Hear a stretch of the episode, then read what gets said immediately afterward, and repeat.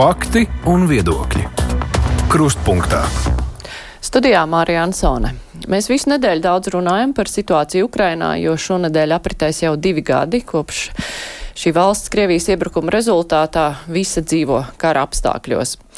Arī Eiropai ir atvēršās acis un tā daudz nopietnāk nekā jebkad pēdējās desmitgadēs vismaz domā par savu aizsardzību.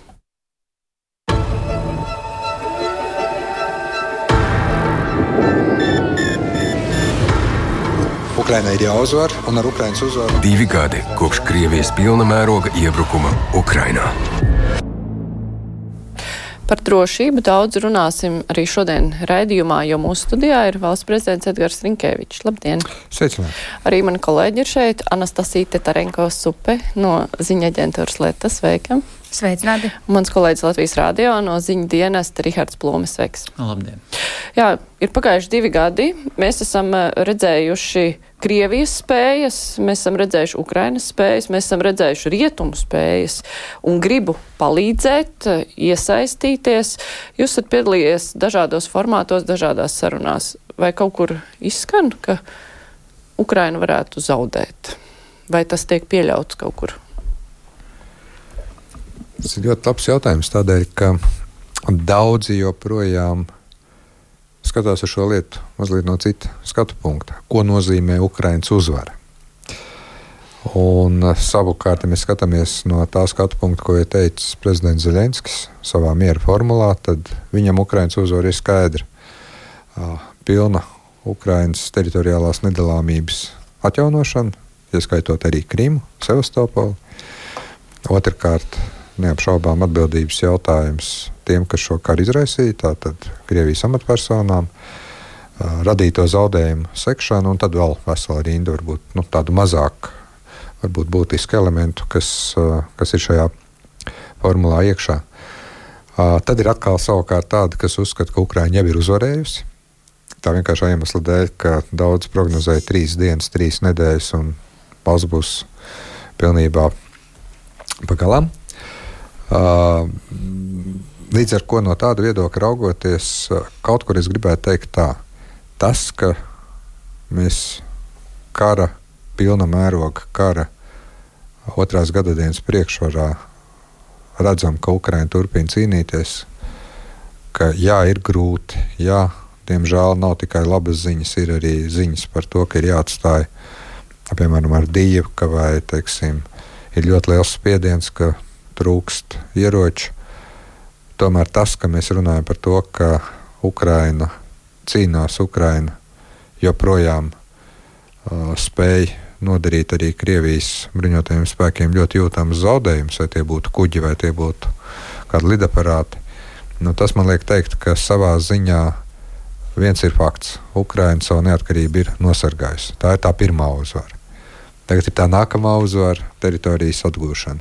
Vai tas ir iespējams kaut kādā pārskatāmā laika posmā, tas ir atkarīgs no trim faktoriem. Pirmais faktors ir tas, vai beidzot rietumi sevišķi jau šobrīd Amerikas Savienotās valsts saņemsies un pieņems to lēmumu par 60 miljardu eiro, faktiski dolāru, ASV dolāru palīdzības piešķiršanu. Otrais - tātad Ukraiņa spēja attiecīgi nu, arī mobilizēties, jo arī Ukrainā tiek runāts par mobilizāciju. Un trešais, vai mēs paši būsim arī spējīgi turpināt to atbalstu, saprotot, ka tas laika rāmis var būt garāks nekā kāds gads, varbūt vēl divi.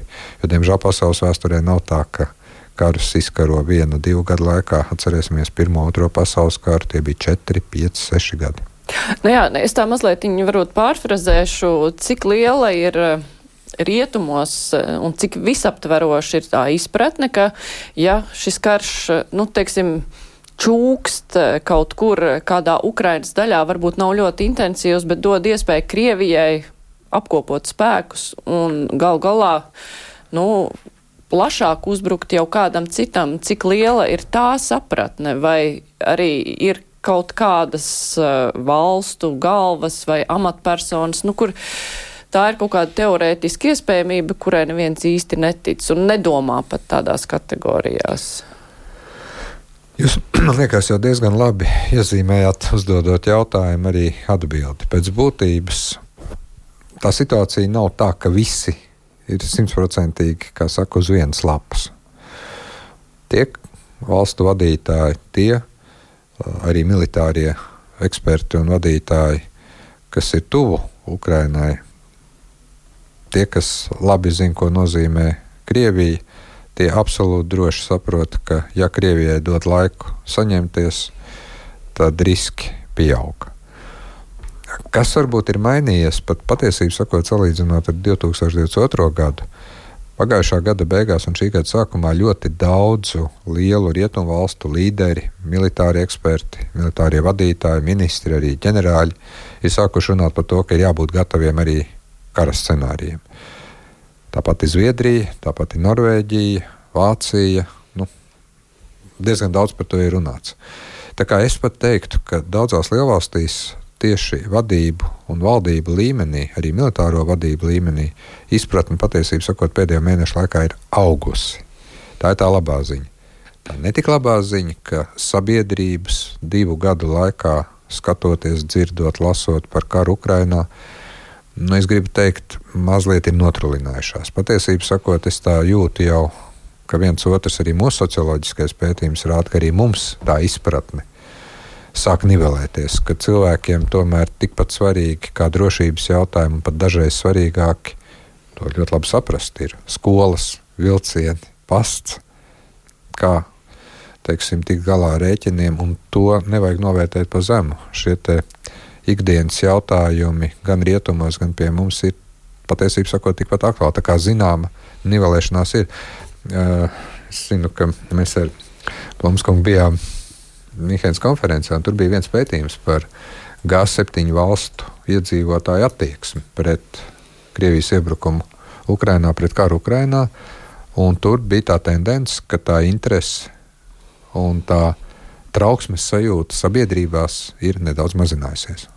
Tāds tas pētījums bija. Es tūlīt došu vārdu kolēģiem. Es tikai atgādināšu, ka arī mūsu klausītāji var sūtīt vēstules eh, vai no mūsu mājaslapas vai uz adresi kruspunktā Latvijas radio.lv vai uz WhatsApp numuru 25660 Kolēģi. Eh, jūs minējāt, ka ir atšķirīgas eh, valstu līderu, valstu vadītāju starpā atziņas, viedokļi par to, nu, ko nozīmē tā uzvara Ukrainai. Kā mums, kas šobrīd, īpaši pēdējos mēnešos, atrodas situācijā, kad arvien vairāk ir vēstījumi par to, ka nu, mēs tad esam tie nākamie. Kā mums šajā situācijā neskaidrības, kad ir reāla kara darbība un, un tur nav skaidrs, nu, kas ir ok, kas nav ok, šī kara iznākums, kā mums ir jājūtas. Un, un teiksim, šie vēstījumi par to, ka iespējams karš pilna mēroga ar Krieviju, ar NATO ir uh, neizbēgams. Kam domāti ir šie vēstījumi? Tie ir domāti uh, cilvēkiem, sabiedrībai, kura, kā jūs minējāt, ir nedaudz sagurusi, notrūlinājusies tā riska sajūta, vai tas ir domāts lielvarām, kuras bremzē ar savu atbalstu? Redziet, uz šo atbildēt nav tik vienkārši. Tas, ka gadījumā, ja Krievija spēs atjaunot savus militāros spēkus, noklāpēt, apmācīt, mobilizētos karavīrus. Pagaidām mēs redzam, ka Krievijas bruņotie spēki cieš ļoti liels zaudējums. Arī iet bojā daudz Krievijas karavīru, nemaz nerunājot par lidmašīnām, kuģiem, tehniku. Mobilizēt un tādā ilgtermiņa kara līmenī savu ekonomiku tad neapšaubāmi šī spriedze, risks kaut kādam konfliktam ir augsts. Mēs nerunājam šobrīd par kaut kādu nu, teiksim, pārskatāmu nākotni. Ja mēs paskatāmies teiksim, mūsu militāro drošību šodien, faktiski mēs esam ļoti drošā situācijā. Visi Krievijas resursi ir Ukrajinā. Uh, Šeit mēs izmantojam šo laiku liederīgi, lai palielinātu NATO spēku klātbūtni. Mums ir pašiem savi mājas darbi, par to var parunāt varbūt atsevišķi. Daži pildās labi, dažos tomēr vajadzētu daudz straujāk rīkoties, jo brīžiem ir tāds sajūta, ka mēs paši mazliet tā vieglprātīgi attiecamies. Bet tā tad šāds scenārijs ir. Vai tā ir kara nolemtība un karš ir neizbēgams? Nē, tā nav. Kāpēc? Tāpēc, ka ir vēl trīs aspekti. Pirmais aspekts ir tas, ka tomēr uh, mēs dažreiz nu, redzam, ka starptautiskā politikā var notikt ļoti krasi pavērsieni, gan uz labu, gan ne uz tik labu, kaut kādi iekšpolitiski vai, vai teiksim, nu, kara laukā. Un tādēļ daudz ko šobrīd noteiks tas, cik mēs spēsim, un šī ir mūsu tā rietuma lielā problēma, ka mēs divus gadus neesam piegādājuši pat to, ko esam solījuši, jo starp paziņojumu, ka es piegādāšu jums, piemēram, kaujas lidmašīnas, un brīdi, kad tās kaujas lidmašīnas nonāk Ukraiņas rīcībā, paiet laiks, un ne tikai tāpēc, ka kāds ir kaut kāda birokrātija taisa, bet kaut arī tāpēc, ka tie uh, piloti ir jāapmāca. Tas ir laiks, ir jāsagatavo kaut kāda atbalsta infrastruktūra, kaujas lidmašīnas atbalsta infrastruktūra. Tas nav gluži vienkārši nosēdos lidlaukā, pacēlos, lidoju. Tur ir vesela rinda citu lietu. Bet tā, tas ir viens aspekts. Tātad mēs, diemžēl, neesam iedevuši visu, ko esam solījuši, un mums būtu jādod vēl vairāk. Es esmu diezgan pārliecināts, ka šajā gadā tomēr Ukraina saņems gana daudz ar drāmu, bet būs. Otra lieta - tātad, cik mēs tomēr paši spēsim samobilizēt savu industriju, NATO spēkus eventuālai darbībai. Un trešā pati būtiskākā lieta - mūsu pašu jā, bruņoto spēku, mūsu pašu iekšējās drošības sistēmas gatavību novērst dažādu veidu hibrīdu uzbrukums. Ja jūs man jautājat, par ko man varbūt vairāk galva šodien sāp, ne tik daudz tieši militārs iebrukums, kāds pirms diviem gadiem bija no Krievijas puses pret Ukrajinu. Mēs runājam šobrīd par kādiem diviem, trim gadiem, nepārprotiet, bet kaut kādas visādas hibrīda provokācijas. Vienalga migrācija, kaut kādi teiksim, dezinformācijas, kiberuzbrukumi, varbūt vēl kaut kāda veida teiksim, provokācijas. Uh, kuras, nu, piemēram, atcerieties, ko pavisam nesen ziņoja Igaunijas drošības policija, ka bija aizturēti pilsoņi, kas uh, bija apskādējuši Igaunijas iekšlietu ministra privāto auto, kur bija saistība ar, ar spēcdienestiem. Mūsu pašu valsts drošības dienesta noķertais Krievijas-Igaunijas dubultpilsonis, kas bija Krievijas spēcdienestu uzdevumā apgānījis uh, leģionāru piemiņas vietas. Nu, ar vienā sakot, šāda veida lietas Viņas notiek, pret tām ir jārēģē. Un tas ir mazāk militārs, tas ir vairāk tiesu varas, tas ir vairāk drošības iestāžu uzbrukums. Man atbilde ir gara, bet summējot, tas ir brīdinājums, ka ir jābūt gataviem visiem scenārijiem. Ceru, ka pēc brīdinājuma arī rietumu sabiedrībās sevišķi uh, militārajā vadībā, politiskā vadībā būs arī papildus finansējums, ekonomikas mobilizācija un papildus arī bruņoto spēku un citu veidu spēku spēja attīstība. Uh, tas daļēji tiek, starp citu, šis narratīvs, ka Baltijas valsts būs nākošās, tiek arī pārņemts no Krievijas propagandas, lai mūs iebaidītu. Bet tajā pašā laikā teikt, mūs tikai baida, dzīvojam mierīgi, mēs arī nedrīkstam. Ļoti sarežģīta situācija. Es centos viņu izskaidrot, bet Jūs pat no manas atbildes redzat, ka nav tādas vienas labas atbildes, jo, diemžēl, tā situācija ir ārkārtīgi daudzslāņaina. Bet tā, tās iespējamās hibrīdu uzbrukumu tās epizodes, nu katra atsevišķi varbūt nešķiet nekas briesmīgs, bet kā tas var izvērsties? Tas nākamais solis, tā, kā tāpēc, ja mēs skatāmies var... kopumā, jo par dažām lietām tiešām vēl līdz galam tu pat nevari sniegt pārliecinošu atbildi. Atcerieties, pagājušā gada oktobris. Somijas jūras līcī gan gāzes pārvads starp Igauniju un Somiju, gan optiskais kabelis tika sabojāti. Tagad it kā ir noskaidrots tas konkrētais kuģis, kas ir ar Ķīnas piederību, bet visi lietas apstākļi vēl nav noskaidroti. Tā mums ik pa brītiņam parādās ziņas, ka pazūd mobīlo sakaru, kaut kādi signāli, GPS signāli. Uh, tas, ko es tikko runāju par to, ko mūsu drošības iestādes, Igauni, arī Lietuviešu drošības iestādes konstatē, tas, ko mēs redzam, ir nemitīgi gan testi, kur vienkārši pārbauda mūsu vājās vietas. Dažreiz mēs spējam uzrādīt ļoti labu spēju uh, pretoties, un dažreiz, jā, ņemot vērā, ka pretinieks jau arī nav šabloniski domājošs. Dažreiz mums ir ļoti daudz jaunas informācijas, ar ko cīnīties. Un es domāju, ka tuvāko gadu laikā mums vienkārši jābūt modriem un jāsaprot, ka tas turpināsies. Ka tāda veida pārbaudījumi, kaut kādi testi būs. Un, jā, ja jūs paskatāties tādā garākā laika posmā, nu, kaut kādā pati Baltkrievijas, Latvijas, Baltkrievijas, Polijas, Baltkrievijas, Lietuvas robeža, kur atkal sāk atsākties migrācijas spiediens. Uh, tas ir tāds pastāvīgs spiediens, bet tad mums parādās kaut kas pilnīgi jauns. Un, un vienkārši mums būs jābūt gataviem. Diemžēl tā ir realitāte, no kuras mēs nekur netiksim. Mm.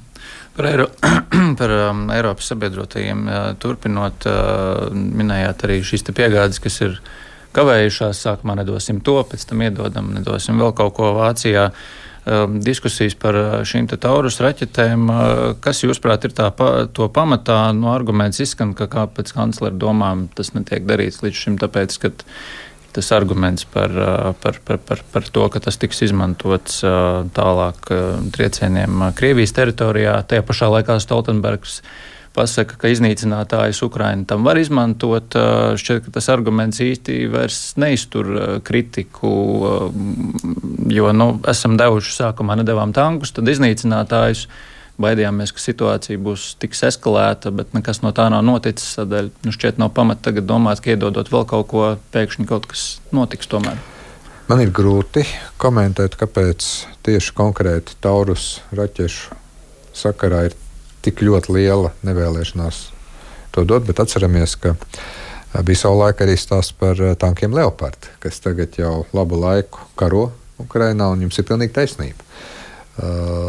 Karo labi, palīdz Ukraiņas bruņotajiem spēkiem, un nekādi tur pastarās dienas scenāriji nav notikuši. Bet es domāju, tur ir trīs aspekti, ar ko gan tagad sāk rēķināties. Pirmais aspekts savulaik neticēja vienkārši, ka Ukrāņu karavīri spēs apgūt rietumu tehniku. Ukrāņu karavīri pierādīja, ka viņi ļoti ātri spēja apgūt jebkuru tehniku.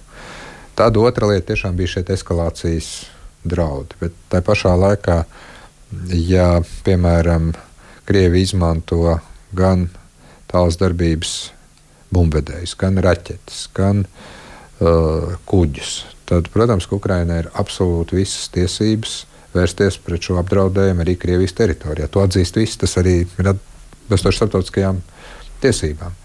Un trešā lieta, kas man sāk likties jau diezgan reāla, viens otrs sāk kalkulēt, atgriežoties pie jūsu iepriekšējiem jautājumiem. Un ja nu pēkšņi šis karš kaut kādā brīdī notiek vairs ne Ukrainā starp Krieviju un Ukrainu, bet kaut kādā brīdī sadursme ir tieši ar NATO, vai mums būs pietiekami ar ko atbildēt. Es pieļauju, ka vienam otram arī šī kalkulācija sāk parādīties. Un mūsu lielā nelaime arī Latvija ir uh, parakstījusi diezgan daudz un iespaidīgus iepirkuma līgumus par pretgaisa aizsardzības sistēmām, mm, krasta aizsardzības sistēmām.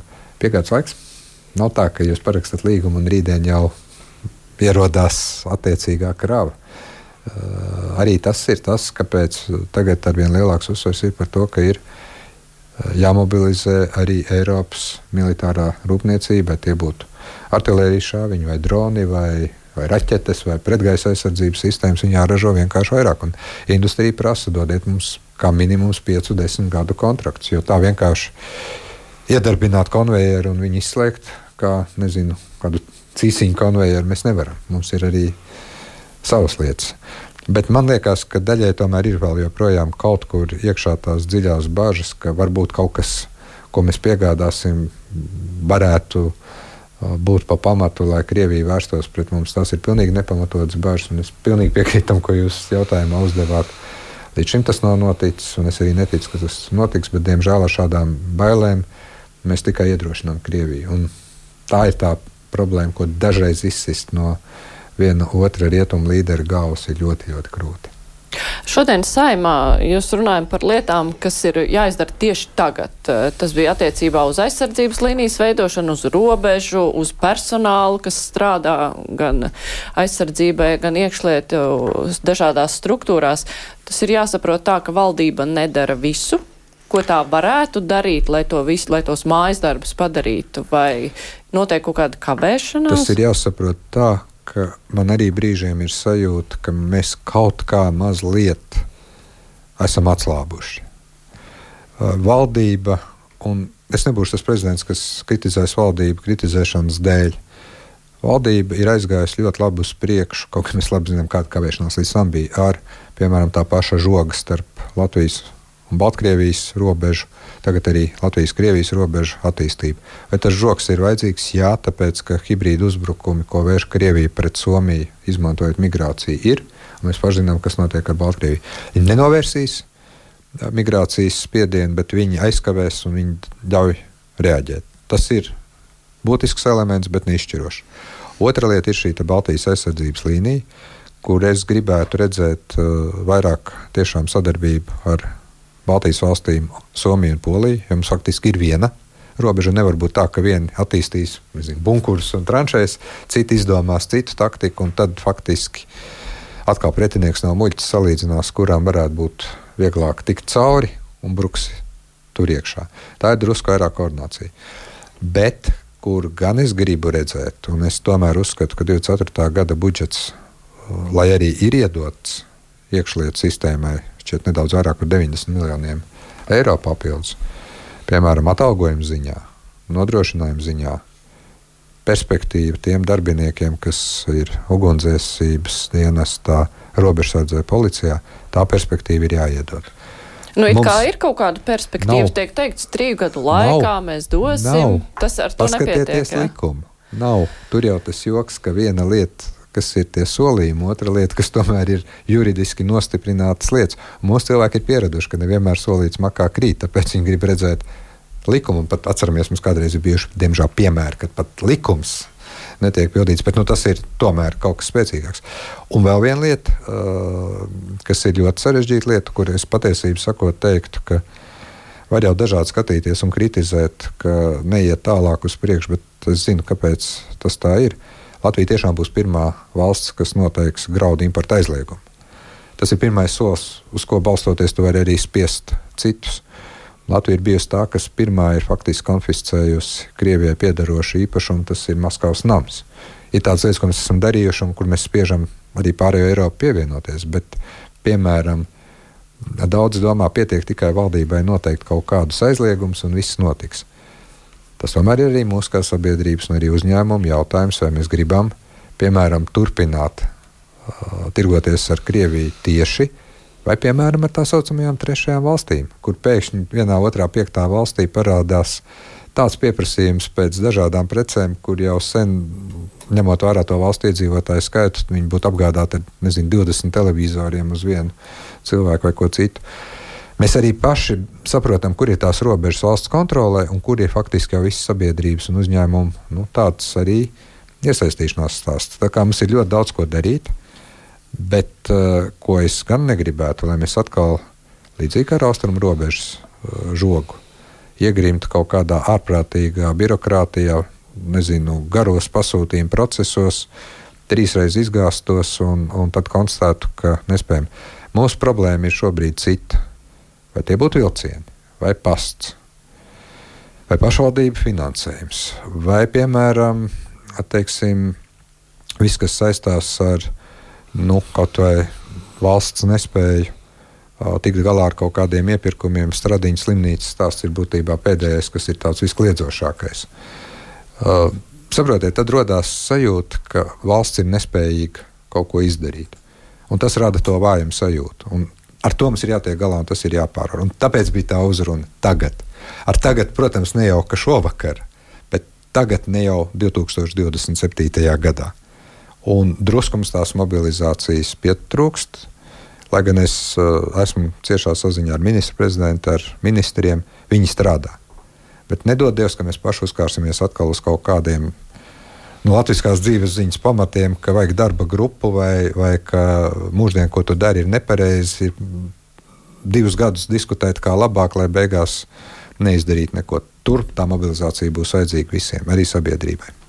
Bet jūs redzat kaut kādas iespējas, kā mobilizēt to sabiedrību, uh, nu, ieklausīties tajos uh, vēstījumos par to, ka mēs visi esam kopā kā viens mehānisms, kas atbalsta to Ukrainu, nevis sūtām televizorus, kā es minēju, uz trešajām valstīm. Kāpēc tas līdz šim nav izdevies? Un varbūt nu, vienkārši reizēm arī cilvēki pauž, ka um, mēs it kā ar vienu roku tā palīdzam ar otru roku šitā, jo mums ir graudi, mums ir imports, eksports, mums ir atvērtas robežas, cilvēki var brīvi ceļot šajos apstākļos. Kāpēc ir, ir šāda duāla situācija, kur visticamāk arī cilvēki nesaprot to valsts pozīciju līdz galam? Es domāju, ka cilvēki paši arī varbūt veido priekšstatu par to, kā viņi redz teiksim, situācijas attīstību Ukrajinā. Vakar uh, raidījums, kas notiek Latvijā, publicēja tādu interesantu socioloģiju par to, kā tas ir Latvijas sabiedrības. Tur arī ļoti interesanti pēc tam panelizēt detalizētāk tos datus, nevis skatīties tikai to vienu kopējo ciparu 49,4% bija, kas uzskatīja, ka jāatbalsta Ukraina līdz pilnīgai uzvarai, tad 34. Es varbūt kļūdos, bet vairāk nekā 30% bija kas teica, ka nu, pamieris ir jebkurā gadījumā labāks. Tas mazliet parāda arī to, ka sabiedrībai ir, un neviena demokrātiska sabiedrība nekad nebūs pilnīgi uh, vienprātīga, dažādi viedokļi. Bet ko var darīt? Nu, prezidenta pirmais un galvenais instruments, ko viņš var darīt, ir tiešām uh, šie aicinājumi, šī sabiedrības uzrunāšana, vienalga izmantojot saimnes tribīnu, izmantojot šo interviju vai, vai kā savādāk.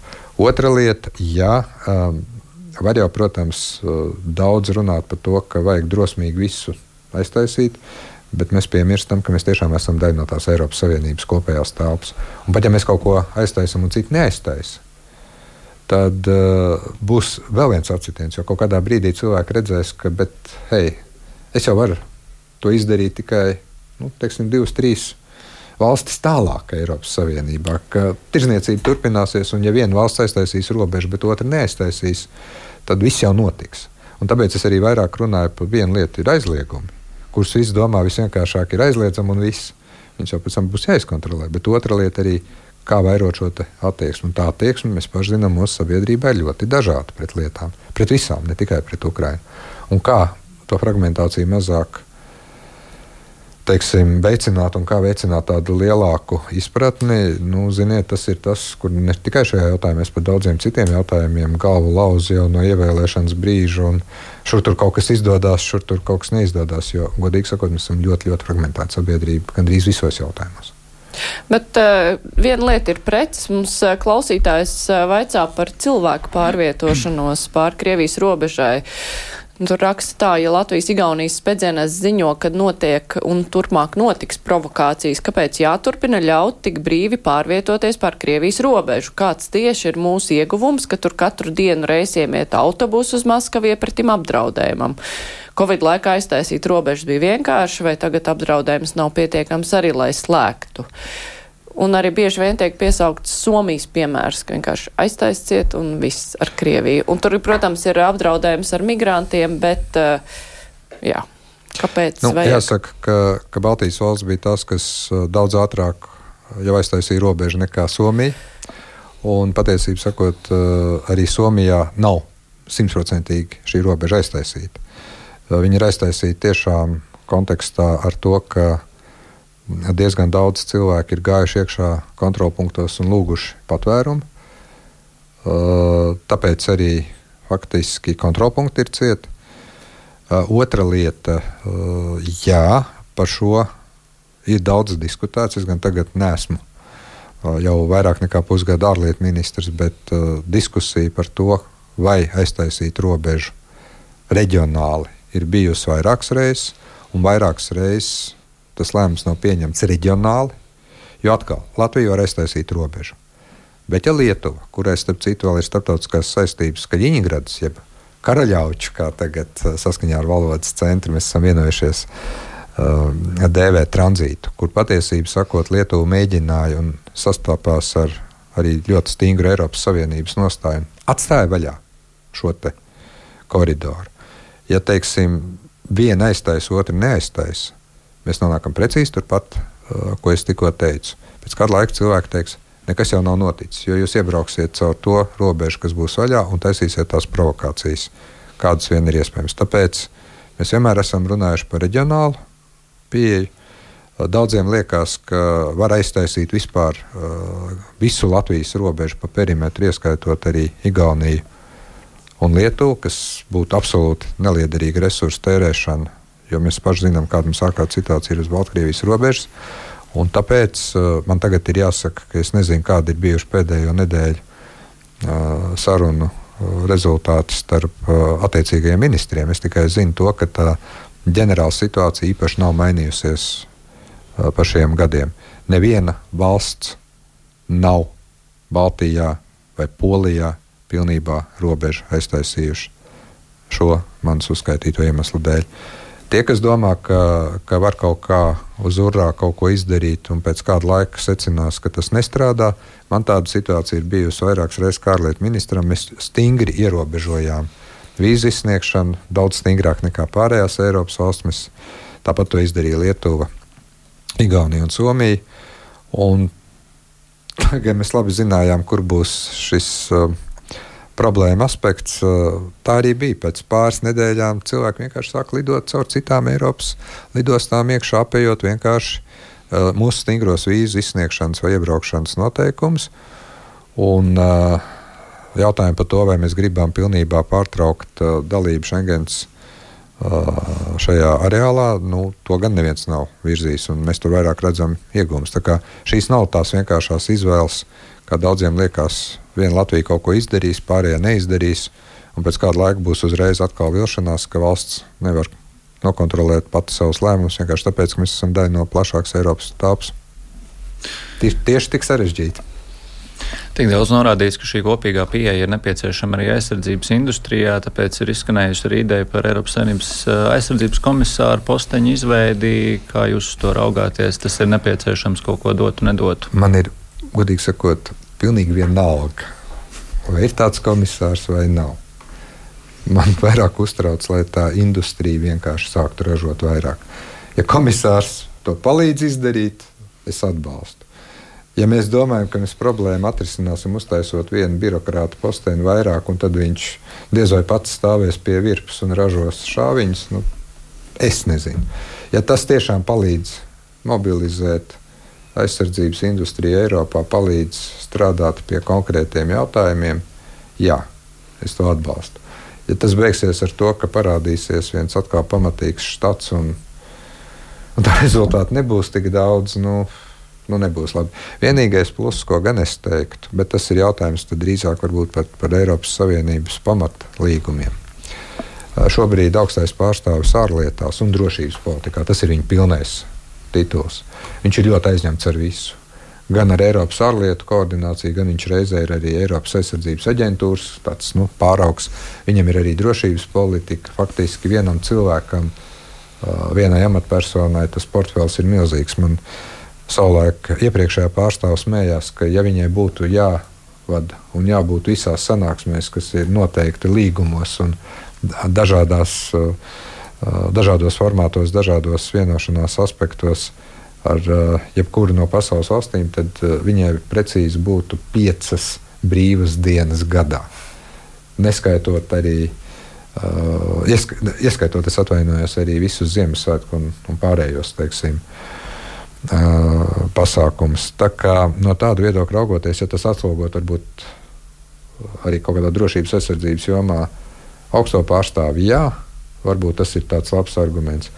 Bet pats komisārs neko nesaražos. Industrija un dalība valsts un Eiropai vairāk tiešām jāinvestē, lai, lai tas viss sāk griezties. Kaut kas jau starp citu notiek, jo, piemēram, šāviņu produkcija tomēr tie apjomi sāk, sāk palielināties un uzlaboties. Kaut kas jau nav, nav jau tā, ka viss ir tikai melns. Uh, tuvojas marta vidū, kā, kā arī Latvijas arī politiskā telpā to sauc uh, Krievijas prezidenta vēlēšanu šovs. Uh, iepriekš Latvija nav atzinusi vēlēšanas okupētajos apgabalos. Cik liela ir iespēja pie esošās situācijas, kad nu, ir skaidri redzams, ka tās, nu jau tagad, ka tās vēlēšanas būs safabricētas, ka ir, ir tikko notikusi uh, galvenā opozīcijas līdera Aleksēna Navaļnija slepkavība. Uh, Cik liela iespēja, ka Latvija neatzīs šīs vēlēšanas un neatzīs Putinu kā prezidentu? Ziniet, nespekulēsim par iespējām. Latvijas pozīciju noteiks Latvijas valdība, un es domāju, ka Latvijas pozīciju arī reāli uh, noteiks tā mūsu kopējā diskusija Eiropas Savienības līmenī. Jo savu laiku ar Lukašenko bija tā, ka vēlēšana neatzīšana bija kopīgs Eiropas Savienības lēmums. Tas ir tas efektīvākais, un tā diskusija mums vēl ir priekšā. Mums vēl ir mēnesis līdz tam.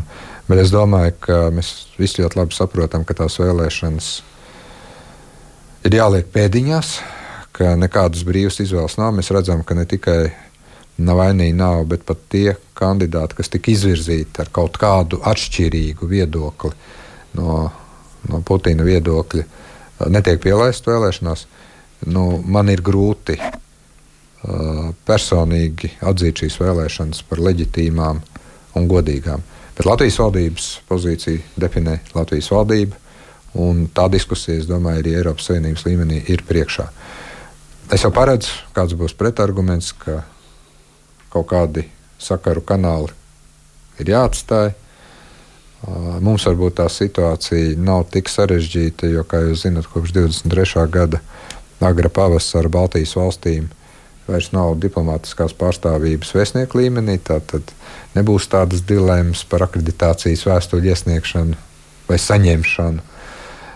Citiem es domāju, tas būs diezgan sarežģīts jautājums. Bet uh, es domāju, mēs visi saprotam, ka tās ir ne tuvu nav vēlēšanas, kuras, kuras var atzīt par ECO vai, vai starptautiskiem principiem atbilstošām, ņemot vērā visu to, ko jūs minējāt un ko es minēju. Bet tā oficiālā pozīcija būs attiecīgi oficiālā līmenī pieņemta.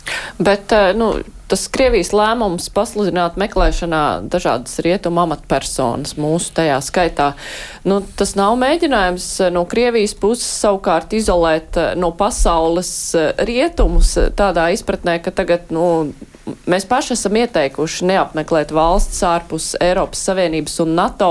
Tas nozīmē, ka mēs līdz galam nezinām, kurš, kuram ir draugs, vai šajā situācijā neiezīmējas kaut kādas, nu, tādas ietekmes sfēras, tad ir jautājums, vai šo divu gadu laikā ir patiešām izdevies izolēt Krieviju no starptautiskās sabiedrības, vai Krievija tagad nemēģina izolēt kādus citu no starptautiskās sabiedrības. Un, redzot, ka ir grūtības arī ANO ar tribunālu izveidošanu, mēs redzam, ka pasaules valstis ir ļoti dažādas un nebūtu ne visas piekrīt mūsu viedoklim par to, ko Krievija dara. Šodien kaut kāda dīvaina, nu, ir jāpiekrīt gan dīvainai katram no visu jūsu jautājumiem daļēji vai pilnībā. Uh, pirmkārt, sāksim ar to, ka uh, nu, šie te meklējamo sarakstu. Es jau arī preses konferencē kopā ar ministru prezidentu, ka tā ziņa iznāca jau par konkrētiem vārdiem uzvārdiem, tomēr atgādināja, kā ārlietu ministrija 22. gada beigās brīdināja, uh, ka kaut kas tāds ir gaidāms. Uh, manā izpratnē tas primāri pat ir mēģinājums iebiedēt mūsu, mūsu amatpersonas. Uh, nav īsti, varbūt es nepiekrītu, nav tāda ieteikuma nebraukt. Ir ieteikums pirms braukšanas konsultēties ar ārlietu ministriju, jo valsts ir ļoti, ļoti dažādas. Un mēs atceramies, kas notika ar uh, Vjačeslavu Dombrovski, bijušo saimnes deputātu Kirgistānā, kur jāsaka, tiešām cepuri nost mūsu ārlietu dienestam. Viņi nostrādāja perfekti krīzes situācijā 24 stundu laikā, izdarot visu, lai cilvēks pamestu valsti. Pēc tam mazliet panalizējot, mēs secinājām, ka jā, visas informācija jau bija izsūtīta, bet cilvēki ļoti ātri aizmirst šajā informācijas gūzumā uh, tos brīdinājumus. Tā kā varbūt šī ziņa atkal ir labs tāds modinātājs. Un tagad otra lieta. Vai Krievija izdevās pilnībā izolēt? Nē, neizdevās. Neizdevās divu iemeslu dēļ. Pirmais, jo tālāk no Ukrainas, jo tāda sajūta ir, ka tas ir kaut kāds lokāls karš, kas vispār nu, ir kaut kāda rietumnieku darīšana. Otrakārt, nu, mums ir jābūt arī godīgiem. Nevienmēr arī mēs, kā sabiedrība, esam ar tādu interesi sekojuši līdzi, piemēram, kaut kādas situācijas attīstībai Āfrikā, tuvajos austrumos. Mums šķiet arī, ka tas mūs neskar, tas ir tālu un vispār.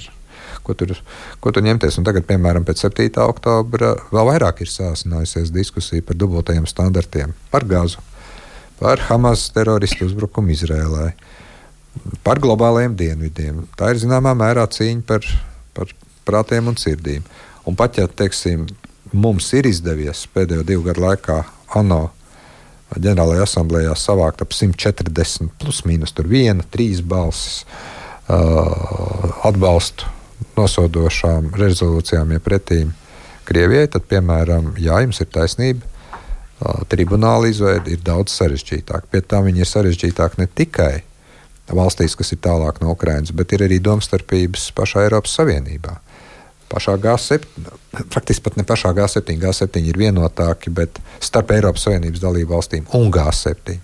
Kādu tribunālu veidot? Tā nav paspārnē vai tādu hibrīdu. Mēs uzskatām, ka nav paspārnē, tāpēc, ka tā ir pilna atbildība, noņem arī imunitāti Krievijas līderiem, bet tam ir vajadzīgs ANO balsojums. Un sevišķi pēc 7. oktobra tā situācija ir sāsinājusies, jo, piemēram, ANO ir arī ļoti, ļoti plašas diskusijas, piemēram, par humaniem jautājumiem Gazā. Un mēs nevaram vienkārši izlikties, ka pasaulē ir tikai viena problēma, un tā ir Ukraina, un pa pārējām klusēt. Jo tad pārējā pasaule pret mūsu uh, eksistenciālām problēmām izturās tieši tāpat. Tas, diemžēl, ir tas, kur pasaule ir stipri atkritusi tādā domāšanā no, no jau jāsaka, romantiskajiem 90. un 2000. gadiem. Es gribēju vaicāt, mēs par lietām pasaules mērogā, bet varbūt par lietām, kas mums ir tuvāk. Uh, šodien iztecējis ir termiņš, kad pašvaldībām bija jānoslēdz darbs pie pašvaldību budžetiem. Un uh, vienīgā pašvaldība, kas to nav izdarījusi, ir uh, Rēzeknes pilsēta, Rēzeknes valsts pilsēta. Um, kā jūs redzat, kas būtu jādara, nevis tā kā nu, jānoliek tur valsts pārvaldnieks, bet ko darīt ar tiem cilvēkiem, kas paši pieļauj šādu te. Nu, skaidrs, ka visticamāk tie deputāti, kas šobrīd nenāca uz sēdēm vai uh, atteicās balsot uh, par budžetu, viņi cer, nu, atlaidīs mūs to it, un tie paši pilsētnieki, kur, kur, kuru starpā augsts reitingus ir šiem deputātiem, viņus pārvēlēs. Uh, Vai jūs redzat, redzat nu, tā ir nesodāmības sajūta, acīm redzot? Vai jūs redzat, ko darīt šādā situācijā? Es domāju, ka es redzu. Man Un ir ideja. Pirmkārt, tas nav normāli, ka faktiski mēs paši redzam, cik ļoti grūti vienā otrā pašvaldībā budžeta pieņemšana notiek. Tāpat tāls novada doma, kur cilvēki protestē un kur tiešām jāpastāsta, kāpēc ir tāda situācija, ka pēkšņi ir jāmazina algas. Jo, nu, es saprotu, es esmu daudz braucis pa Latviju, man arī ar pašvaldību savienību būs saruna.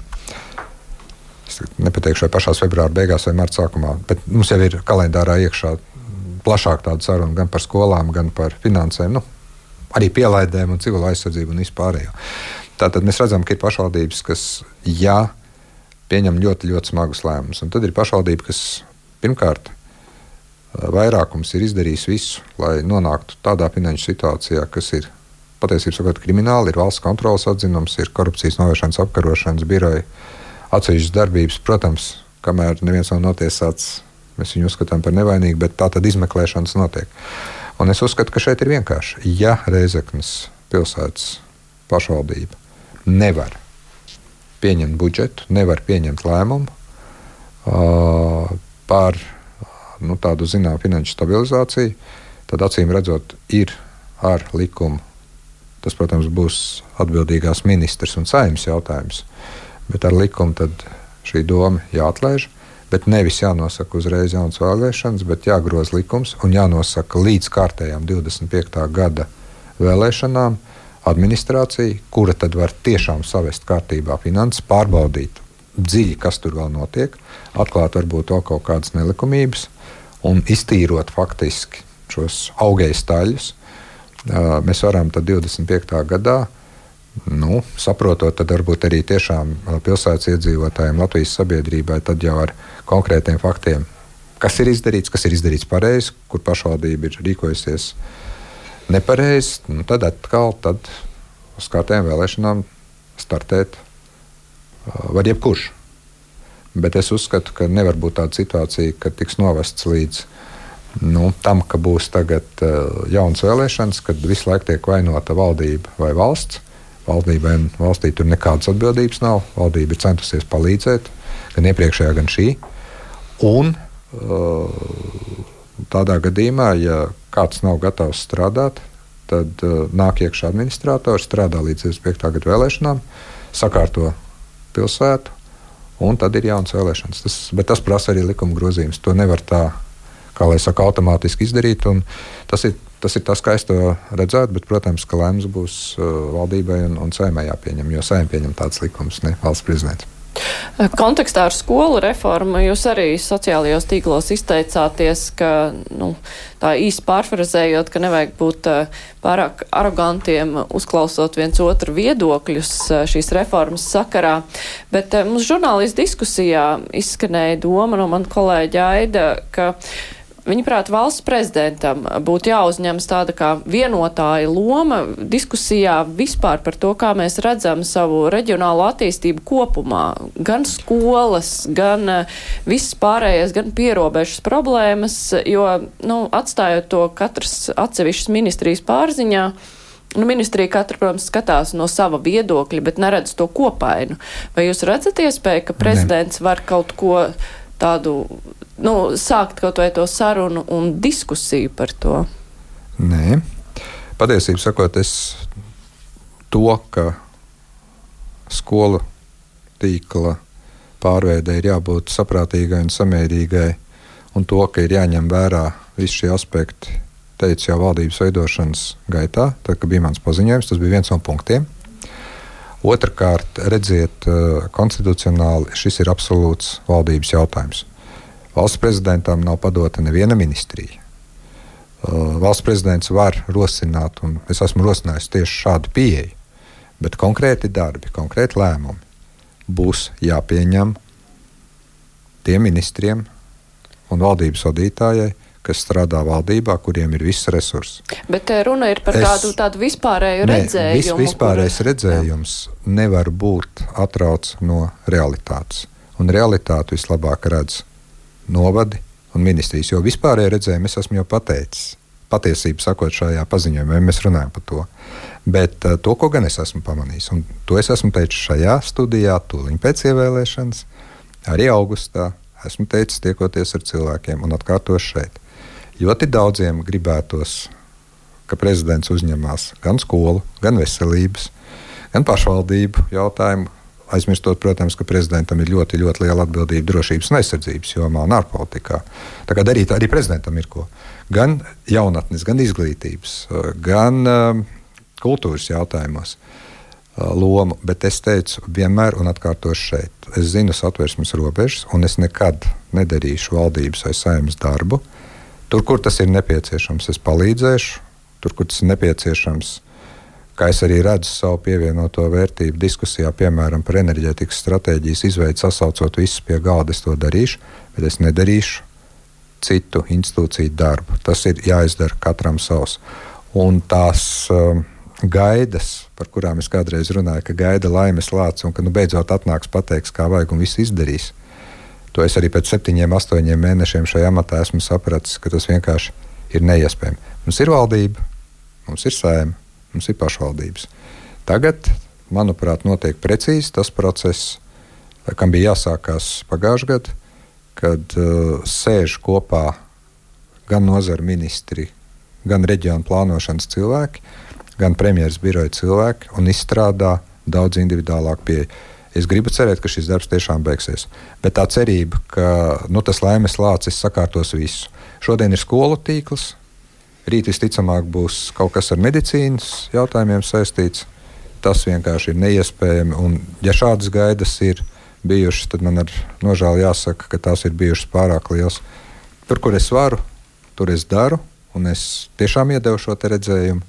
Bet sagaidīt, ka valsts prezidents tagad kļūs par valsts un ministru prezidentu, nu, to Latvijas satversme neļauj. Pirms 90 gadiem tas eksperiments tur tāds, ne, tāds, tāds interesants bija. Mums klausītāji arī jautā pavisam konkrēti par jūsu, jūsu vidusskolas, pumpuru vidusskolas. Tur noteikti tā reorganizācija, kur pumpuru vidusskolas un jaunu dubultu pamatskolas tiek likvidētas, lai izveidotu vienu jūrmālas valsts pilsētas pumpuru vidusskolu.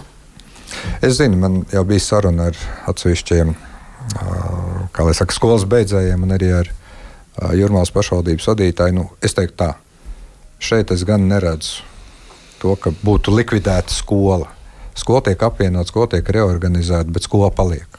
Tāpat pumpura skola paliek, varbūt ar citu nosaukumu. Es saprotu, ir, ir varbūt tur kaut kādi citi aspekti arī. Acīm redzot, ka tas ir saistīts ar kaut kādiem arī varbūt to iekšējiem konfliktiem. Tas, ko es arī vienmēr esmu teicis, vai mums šis skolu tīkls ir jāmaina un jākārto? Jā, jāmaina. Vienkārši tāda ir dzīve.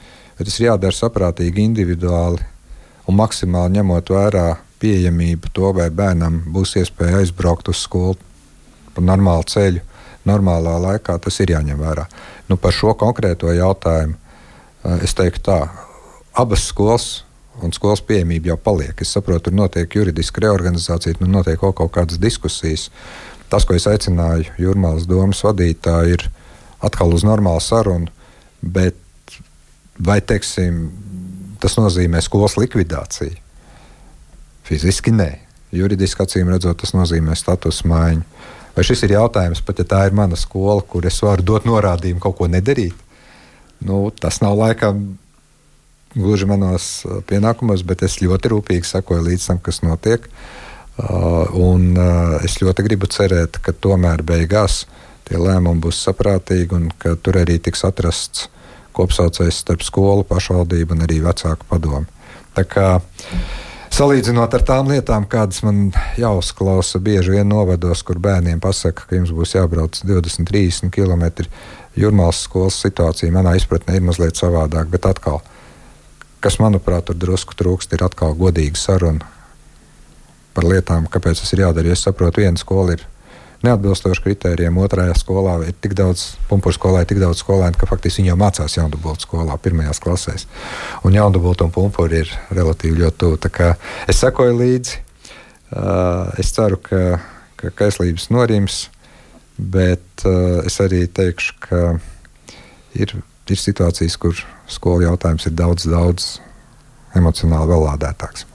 Bet uh, mums ir gan pusminūte palikusi, vai valdībai būtu tomēr šis skolu jautājums jāskata vairāk tādas reģionālās attīstības uh, kontekstā? Protams, protams. Nē, tas ir tas, par ko es arī esmu teicis, ka es vairāk gribētu redzēt, ka, un par to jau runāja pagājušajā gadā, ka iesaistās satiksmes un varam ministrijas. Bet ir vēl viena lieta. Bieži vien jau ir tas strīds, vai tā ekonomika pazudīs un ekonomiskā attīstība, ja skola pazudīs, vai skolas, diemžēl, tiek slēgtas, tāpēc, ka nav pietiekamas ekonomiskās attīstības. Diemžēl man liekas, ka tas ir tādēļ, ka tā ekonomika tur ir tāda, ka cilvēki atrod darba vietas kaut kur citur.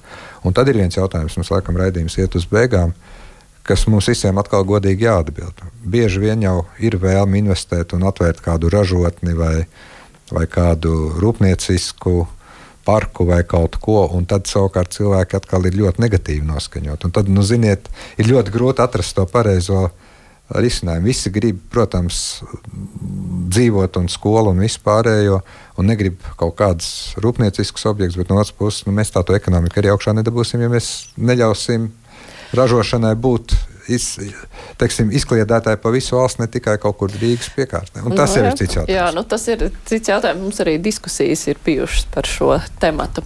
Bet es teikšu paldies. Valsts prezidents Edgars Rinkēvičs bija šodien kopā ar mums. Rihards Blume, Latvijas radio ziņu dienas, Anastasija Tetarenko Supe no ziņa aģentūras Leta bija kopā ar mums. Bet kruspunktā šodien izskan raidījuma producenti Ieva Zēza. Studijā bija Mārija Ansona. Vislabāk mēs tiekamies arī rīt.